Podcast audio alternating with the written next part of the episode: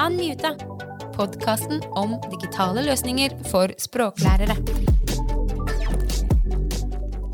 Hei og velkommen tilbake til sesong to av Unmuta. Jeg heter Camilla Cale, og jeg skal lose deg gjennom fem episoder som er spesielt relevant for deg som underviser i språk, der vi setter fokus på digitale hjelpemidler i undervisningen. Forrige sesong bar preg av den akuttdigitaliseringen som fant sted i 2020 og 2021. Nå er situasjonen en annen. Og for mange har den verste digitale fatigue lagt seg, så denne sesongen skal handle om hvordan du kan ta i bruk digitale verktøy for å aktivisere dine kursdeltakere eller studenter enda mer. Og med oss har vi Geir Isaksen, seksjonsleder i seksjonen for studiestøtte ved Forsvarets høgskole, universitetslektorene Gro Bjørnøy og Cecilie Riksem ved Institutt for biologiske fag ved NTNU, og utviklerne av kjemipodkasten Rosa Beger Glass, Chief Tech Officer av Curipod Frikk Fossan, professor i pedagogikk ved Universitetet i Oslo Ingvild Rasmussen, og fungerende direktør i Fleksibel utdanning Norge, Kari Olstad. Så aller først for å snakke om hva vi har lært, og hvordan vi kan med fordel tenke rundt bruk av digitale verktøy, har jeg gleden av å introdusere Kari Olstad. Velkommen, Kari. Takk. Hva har skjedd siden mai 2021, da forrige episode av Unmuta ble lansert? Og da tenker jeg på bruk av digitale verktøy i uh, utdanningssammenheng. Ja, det var jo første gang vi snakket sammen. Jeg tror det har skjedd ganske mye. Og det er fordi at det er veldig mange nå som har prøvd seg på nettbasert undervisning og nettbasert kommunikasjon, som ikke hadde det før. Og da tror jeg at mange har sett at dette kan gi en del muligheter også, som man ikke nødvendigvis får ved å organisere all undervisning som massemøter i klasserom eller auditorium. Men den dårlige nyheten er jo at kanskje ikke vi har nådd helt frem med at nettbasert undervisning, godt designet nettbasert undervisning, er noe helt annet enn den akuttdigitaliserte, Zoom-baserte undervisningen som mange har fått erfaring med. da. Det, det, er jo lett å tenke seg til at uh, alle lærere har nærmest uh, trukket etter sånn lettelsens sukk, og så lukket igjen uh, lokket på PC-en, og så gått tilbake til fysisk undervisning og tenkt åh, det var deilig å slippe det der greiene der. Men er det, er det din erfaring at det er tilfellet? Nei, For det første så tror jeg det er tilfellet for veldig veldig mange undervisere. Og jeg tror ikke engang at det er noe problem. Veldig mye undervisning skal organiseres fysisk. Kanskje spesielt for barn og unge. Noe som vi har blitt påminnet både under pandemier og lærerstreik. Særlig for barn og unge å komme sammen og lære fysisk er selvfølgelig kjempeviktig. Så, så, det er helt klart at mest mulig undervisning skal ikke foregå på nett. Det er ikke noe, er ikke noe mål i seg selv. Men uh, samtidig så har vi jo, håper jeg flere klarer nå å ta inn over seg at vi kan legge undervisning bedre til rette for de som ikke skal møte på disse massemøtene, eller skoledag som det også ofte kalles. Og det kan jo være veldig stor grad voksne jobb, som jobber på dagtid, hvor det er naturlig å legge undervisningen, eller har eh, barn å legge på kveldstid. Det kan være folk som er eh, bosatt veldig langt unna studiestedene. Det kan være folk som er friske nok til å studere, men for syke til å ta den fysiske reisen til skolen. Men du kan også tenke deg at, at enkelte syns faktisk det er skummelt å være sammen med andre folk. Og noen trenger også mer tid til å tenke seg om enn når man får en fysisk situasjon. sånn at det nettbaserte og fleksible kan vi bruke til å gjøre undervisningen mer tilgjengelig. Så hva er nå status på digital undervisning, hybridundervisning, og hvor er vi på vei? Ja, det var det det er jo ofte sånn med, med, sosiale og samfunnsmessige prosesser at hvis pendelen svinger høyt én vei, så har den en tendens til å svinge ganske hardt tilbake også. Eh, som gjør kanskje at særlig analogpedagogene da, står litt sterkt nå. Det, det, tror jeg. Men så ser jeg at vi har stadig flere har stadig flere positive erfaringer med fleksibel og nettbasert og digitalt støttet undervisning. Det er jo et svært område vi snakker om nå. Du, du kan heller ikke tenke deg nå en undervisningssituasjon helt uten bruk av digitale verktøy, ikke sant? Nei, overhodet ikke. Jeg må si at jeg selv studerer nå, og der er jo bruk av digitale verktøy det er, det er helt naturlig. Det er helt fullstendig innarbeidet. Det er jo, ikke sant? Ja, mm. Ikke sant? Tenk deg hvis du skulle tatt ut læringsplattformer og nettbrett. altså Det brukes på alle nivåer. Så den biten er jo der. Så spørsmålet er jo dels hvor fleksibel ting skal være. Men disse positive erfaringene de skal vi bygge på, og de er i ferd med å utkrystallisere seg i praksis. Det er ikke alltid sånn at institusjonene har lagt til rette for det, men mange lærere de, de bruker mer digitale og fleksible virkemidler nå. Så er det sånn at man skal spørre seg hvorfor. Ikke? Det, det gjelder jo valg av undervisning på alle måter. Man må alltid spørre seg hvorfor. Hvorfor velger jeg dette innholdet? Hvorfor velger jeg disse undervisningsmetodene? Og hvorfor velger jeg disse digitale verktøyene?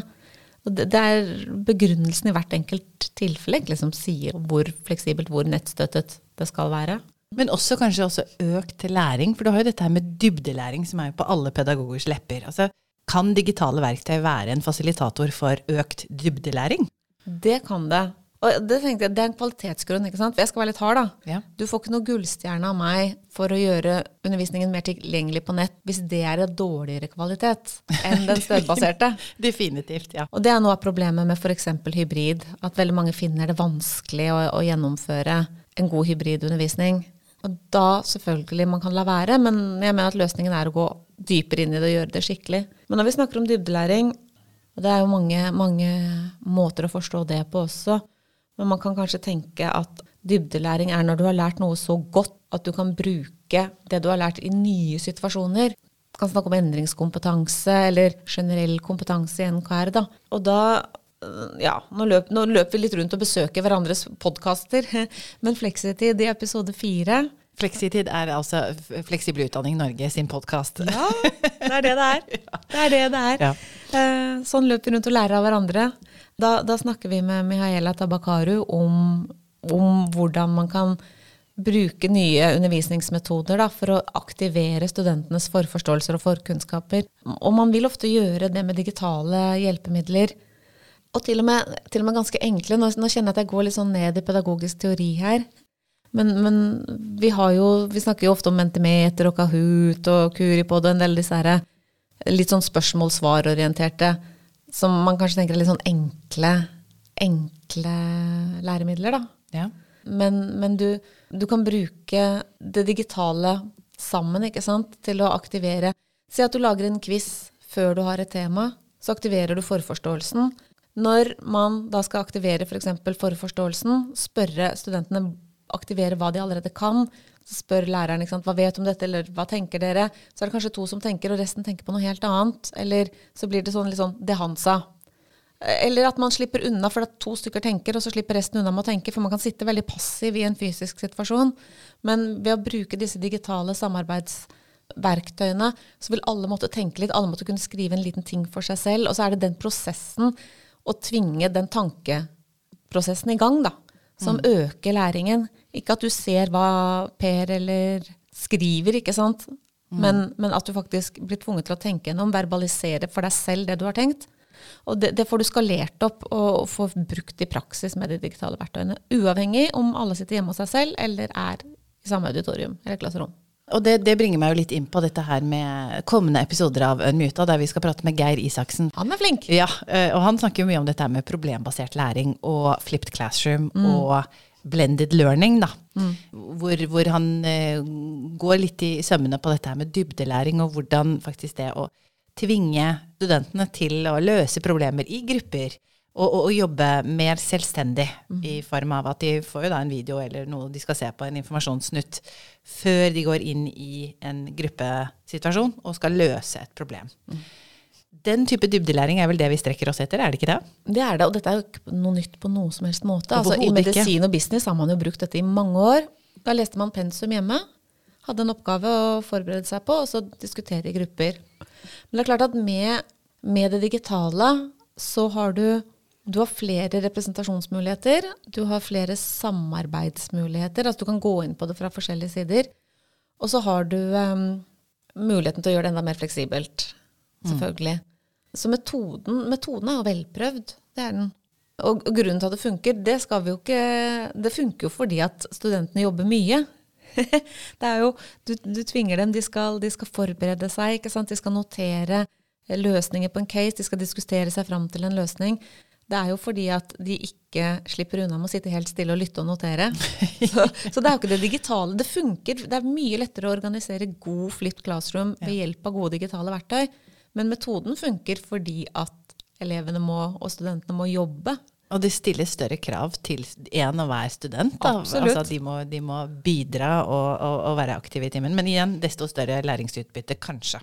Ja, og, ja, ja, og det er det jeg tenker at her knytter du antagelig læringsutbytte til arbeidsinnsatsen. Ja. Ikke sant? Men med det digitale så får du most enda mer arbeidsinnsats ut av hver enkelt student.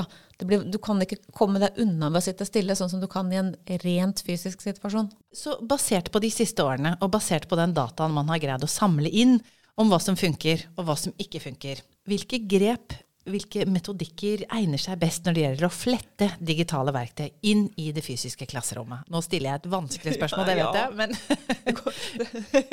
Det går nesten ikke an å svare på, vet du. Det er jo, det er jo um, utrolig vanskelig å si hva som virker. Men er det noen tendenser? Er det noe som tenderer mer? Altså er det noe man Altså, egentlig så handler det jo mer om hvorfor og hvem enn hva og hvordan. Kommer tilbake til at spør deg selv hvorfor du gjør det. Når det gjelder sånn, Kan jeg komme med et sånn skikkelig gammeldags eksempel? Selvfølgelig med Fra- glede. Ja. Fra min egen barndom. Fordi jeg husker vi hadde disse her små matteboksene. Det var noen små plastbrett, og så var det brikker inni, og så fikk du en liten bok med regneoppgaver.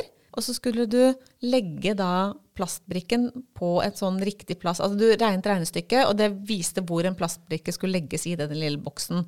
Og når du snudde boksen opp ned, så hadde disse brikkene da tessellert et mønster. Så hvis mønsteret var riktig, så hadde du svart riktig på oppgavene. Og det, det her, Nå snakker vi om sånn skinner og behavi ren behaviorisme. ikke sant? Og på skolen min, da, så vi fikk jo det som belønning. Sånn, hvis du var ferdig med oppgaven i boka, så kunne du begynne på dette her. Og veldig sånn skinnersk. Det er helt konkret, rask tilbakemelding. Og så tenker jeg det at hvis man hadde forsket på om læringsutbyttet ble bedre i klassene som brukte det ikke sant? Si at man hadde gjort det ja. og det ble bedre. Var det fordi at, at behaviorismen virker på den måten? Altså at, at man lærte veldig mye matte av den måten å jobbe på? Ja. Eller var det motivasjonen? Hvis jeg satt med en sånn boks, ville alle vite at jeg hadde gjort oppgavene mine. Jeg var flink. ikke sant? Jeg ville føle meg stolt og flink, for jeg var over på ekstraoppgaver. Eller vil det være fordi at mange nok barn satt og trente opp seg selv med disse boksene, sånn at frøken, læreren min het nemlig frøken, kunne gå og veilede individuelt de som trengte ekstra hjelp. Du ville ikke vite hvilke de, hvilken mekanisme som gjorde at det ble bedre. Eh, Og sånn er det jo med det digitale. Det foregår i, i kontekster med, med veldig, veldig mange variabler. Er Ikke sant? Det er akkurat det. De, de variablene skifter jo fra situasjon til situasjon, fra klasserom til klasserom. Jeg, jeg ser den, men samtidig så er det jo eh, Nå foregriper jeg litt, da, men Ja. altså, jeg har jo gjennomført intervjuet med Geir Isaksen. Og da snakker han jo om gode resultater, som vi jo lar oss jo styre av. Altså vi vil jo Vi ønsker jo å oppnå et resultat sånn generelt sett, da.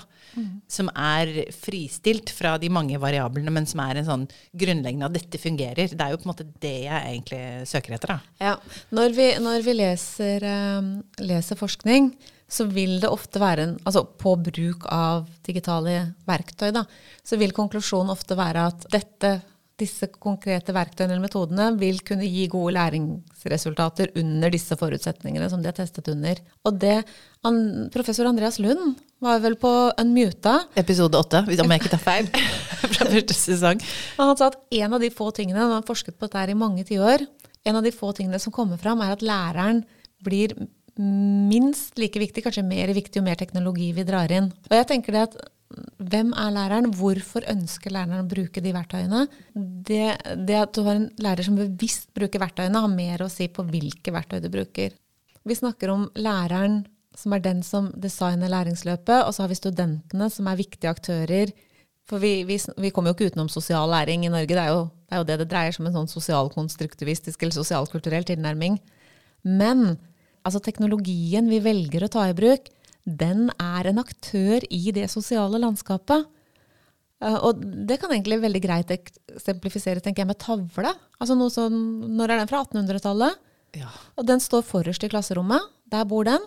Og da, da ser du med en gang at den som holder i krittet, det er den som leder undervisningen. Det er jo læreren. For det er den som har makten til å skrive det som liksom blir stående som fasit på tavla. Og da har vi også i alle klasserom og auditorium så har vi plassert studenter og elever sånn at de sitter med ansiktet mot tavla. Og, og det betyr at når du sitter med ansiktet mot tavla, ja, da sitter du ikke med ansiktet mot hverandre. Da sitter de parallelt til hverandre og ser hverandres ører eller bakhoder. Og alle er styrt frem, fremover. Alle er styrt fremover. Så det, noe så enkelt som den der krittavla er altså en helt styrende teknologi. Men da tenker jeg også at Eh, Når vi bringer inn den digitale teknologien, så skjønner vi at den må være veldig styrende for det som skjer. Og samtidig så er den så mye mer variert. Noe som gjør at, at den, den, kan styre, den kan være med å styre på veldig mange områder. Så læreren blir veldig bevisst, håper jeg. At læreren blir veldig bevisst i bruken av teknologien. Og da, da, kan vi, da kan den være med. Den kan, være, den kan gi tilbakemeldinger, den kan motivere, den kan engasjere, den kan aktivere. Den kan være med å kontrollere. Eh, Så teknologien er en aktiv aktør. Så det er læreren som må bestemme hvilke roller teknologien skal spille, for teknologien er helt levende aktører i undervisningssituasjonen. Men det er jo studentaktivitet er det ordet som går igjen. Og når du, nå, snakket vi om Flip Classroom, det aktiverer studentene. Vi har nevnt Kuripod annet. Der har du også et verktøy som er laget mm, for at studentene kan være aktive. Du kan bruke den i storskala på å samle inn korte sånn øyeblikksbilder som vi snakket om. Men også at studentene kan styre veiledningen sin ved å stille spørsmål, de får svar. Man kan ta hensyn til at, at for dagens unge er kanskje ikke helt sånn som ungdommen var før. Vi, vi tenker at de er veldig sånn selvrepresenterte. Mange har behov for å være litt tilbaketrukket, litt anonyme i læringen sin. Det har vi sett. At de er, de er redde for å blottstille et eller annet. Sånn at de digitale verktøyene gjør at de kan være aktive, men allikevel beskytte sin personlige identitet eller andre deler av personligheten sin. Du kan i hvert fall gå, gå fra der studentene blir hindret i å være aktive ved at de er sjenerte for et eller annet. Da. Eh, Som, som, altså, der har vi de svarte skjermene igjen? Som, som viser at dette er en utfordring som kan løses ved hjelp av, ved hjelp av gode digitale verktøy. Men dette må jo også være en løsning for For vi har jo tross alt retten til livslang læring. Vi skal jo ikke bare de unge, men vi skal jo gjennom et helt liv tilegne oss ny kunnskap. Og da skal jo den være fleksibel og tilrettelagt for også vi som har lært på en annen måte enn dagens ungdom, da. Kan du snakke litt om hva som fungerer godt for, altså for den voksne gruppen eh, innlærere, og da bruk av digitalt verktøy? Ja, igjen så er det Igjen så er det konteksten det brukes i. Jeg må hele tiden si det. Det, det at det er relevant for en som er helt ung og fersk i et fagfelt, så vil det det de får beskjed om at det er relevant, det vil være relevant, for du har ikke noe annet. Mens hvis du er en voksen person så, som har vært i arbeidslivet, da, og har enda mer erfaring, så vil du ha enda større behov for å knytte det du lærer, til det du allerede har erfart. Til det er praktiske. virkeligheten. Ja. Mm. Mm. Og det er jo bl.a. ofte kommunikasjonsverktøy. Det det å kommunisere og utveksle erfaringer. Så har vi andre måter å gjøre det på, kanskje. Eh, og vi er kanskje mer Altså voksne er kanskje mer sånn fornøyde med å være seg selv med navn og bilde, og kanskje mindre sjenerte på en del ting. Men de voksne har kanskje også forventninger altså jeg tenker altså Den eldre generasjonen da, har forventninger til hvordan de skal lære, og har forventninger til hvordan læreren skal fungere. Dette er også noe vi snakket med Geir Isaksen om. da, altså Ja. Forventninger til dette med flipped classroom og læreren som en autoritet. Ja, og det syns jeg også er veldig spennende med, med noen av disse verktøyene vi snakket om, sånn som Kuripod og en del av de andre. da. Så har du Du kan la studentene ha veldig stor makt eller innflytelse på hva som skal gjøres. De kan opprette kanaler, ikke sant. De kan spørre, de kan svare. Eh, samtidig så har disse verktøyene en funksjon for at læreren kan komme inn og være lærer, være kurator. Eh, læreren kan bestemme skal dette være anonymt, eller, eller skal det vise hvem de er. Skal læreren gå inn og si noe om ja, dette var et godt svar, her bør du kanskje hente inn den og den delen av pensum. Og det tenker jeg er litt sånn skandinavisk modell, at vi både er, eh, har flat struktur, og litt sånn konnektivistisk, vi lærer nettverk, men samtidig så vet vi fra det vi har av undersøkelser på nettstudenter og voksne nettstudenter, så vet vi at det å bli sett av læreren, på en måte å få tilbakemelding fra læreren, det er like viktig for de voksne. Selv når du har hverandrevurdering, så vil de gjerne ha en sånn liten gjennomgåelse fra læreren til slutt, for å være sikker på at den vurderingen du har fått av medstudentene, da, er riktig. Så også, også vi voksne ønsker den tilbakemeldingen fra læreren vår. Så hvis du da skuer nå inn i det kommende året, altså hvis vi ser utover i 2023, er det, noe, er det noen tendenser som utpeker seg spesielt når det gjelder eh, bruk av digitale verktøy i undervisningssammenheng? Jeg tror det vil gå flere veier. Jeg tror kunstig intelligens er i ferd med å bli mer stuerent. Og det er jo litt sånn studentassistentbotter stemmestyrt, altså at du kan um, Helt enkle oppgaver kan du få svar fra en robot istedenfor et læremenneske. Det kan også brukes til kjappe sånn rettinger av besvarelser og sånt noe. Så tror jeg at um, vi har fått enda mer fokus på fleksibilitet. Man har, man har, prøvd nå ok, Zoom, man kan sitte på forskjellige steder, hjemmekontoret, hjemmelæring. Så tror jeg at man vil begynne å utforske enda flere modeller for fleksibilitet. Hva kan vi gjøre? Kan vi f.eks lage innholdsrepositorier, dele mer, mer, ressurser, kanskje mer åpne, ettersom vi blir bedre på å dele åpne ressurser, åpen forskning, at man kan dele mer innhold, og dermed ha større fleksibilitet i innhold. At du ikke trenger liksom å lese akkurat de fire pensumbøkene, men, men, at man kan jobbe mer mot oppgaver. Da. Nå går jeg litt sånn tilbake til Andreas Lund igjen, for han snakket jo om nå som, nå som alt ligger ute, så vil læreren designe mer opp oppgaver hvor studenten må hente inn informasjon, bruke informasjonen, og gjerne i samarbeid. Er det slik at du ser for deg en fremtid der pedagoger i mye større grad er innholdsprodusenter enn det de har vært tidligere? Jeg ser i hvert fall at den kreative pedagogen lettere nå kan lage tilpasset innhold i flere typer medier. Og det er veldig spennende. For vi, ja, alle vi som har jobbet i skolen, har stått og svetta og banna over kopimaskinen. sånn tidlig på 2000-tallet. Men, uh, men for eksempel Og vi har jo snakket om podkast som ett eksempel. Ja. Og jeg tenker særlig siden du underviser i språk, da, så er dette her med samtale, og den podkasten er så muntlig. Um, så det gir et veldig godt eksempel på muntlighet. Man kan, lage, man kan også lage podkaster og bare publisere til sin egen klasse. ikke sant? Det må ikke ligge på Spotify. Nei, nei. Og da, Man kan ha med én og én elev. altså Det er så mange ting man kan gjøre. Det er så enkelt som du kan bare legge ut en lydfil på læringsplattformen. altså Det behøver ikke være publisert gjennom en kanal engang. Altså det ikke sant? Så det er, det er kjempeenkelt. Og ja, kan, elevene kan lage sine lydfiler også, få tilbakemelding. Ja. Og, det, og, det, og også det med muntlig tilbakemelding. ikke sant? Og det finnes jo også noen forsknings, noe forskning som tyder på at muntlig tilbakemelding gir bedre effekt enn skriftlig. Ja. Og da begynner du å blande. Da er du både pedagog, veileder og innholdsprodusent. Jeg tror det at, at det er raskere å lage, lage multimedieinnhold mm. og spre det til studentene. Og når du har laget det selv, så har du fordelen at du lettere kan lage små hva er det norske ord for tweaker, altså små tilpasninger. Ja. Um, for du setter sammen Du er litt kurator, ikke sant? Du setter sammen innholdsbiter i, i det verktøyet du bruker. Så du kan tilpasse, tilpasse litt. Jeg tror at noen skal være innholdsprodusenter, og det kan like gjerne være lærere som forlag. Og vi har en mye større bredde nå i hvordan vi kan lage innhold. Men jeg tror at deling av innhold vil gi en mye mer, mer valuta for penga enn om hver lærer skal sitte og lage sitt eget innhold for det vil jo til slutt måtte gå på bekostning av den tiden du ellers ville brukt til veiledning. Absolutt, ja. Interessante tendenser for, eh, for fremtiden, Kari. Da er jo du første gjest av de fem episodene som kommer nå i Unmuta. Og du har på en måte dekket bordet for de kommende fire episodene. Så da får jeg bare si tusen takk for at du stilte i dagens samtale. Takk for at jeg fikk komme. Tusen takk.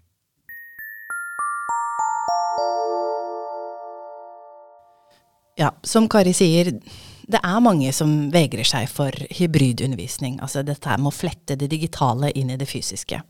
Og kanskje er du nettopp en av dem som syns at det fremdeles er nokså ulendt terreng, og at det er overveldende mange muligheter og overveldende mange verktøy å velge mellom.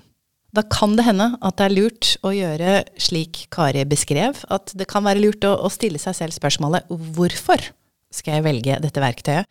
Fremfor å begynne med hva er dette verktøyet, og hvordan skal jeg bruke det. Men om ikke det var nok, så har jo vi i Unmuta-redaksjonen vi har jo gjort noe av forarbeidet for deg ved at vi har gått litt nærmere i sømmene på enkelte verktøy som vi mener fasiliterer en undervisningssituasjon der du får fungere som guide on the side fremfor stjernen på scenen, og hvor du kan oppmuntre til mer samarbeid, mer samtale og mer selvstendighet fra dine innlærere. I neste episode så skal du få høre fra Geir Isaksen fra Forsvarets høgskole, der han skal snakke om flipped classroom, altså omvendt undervisning, problembasert læring og hybrid undervisning. Takk for at du lyttet til denne episoden.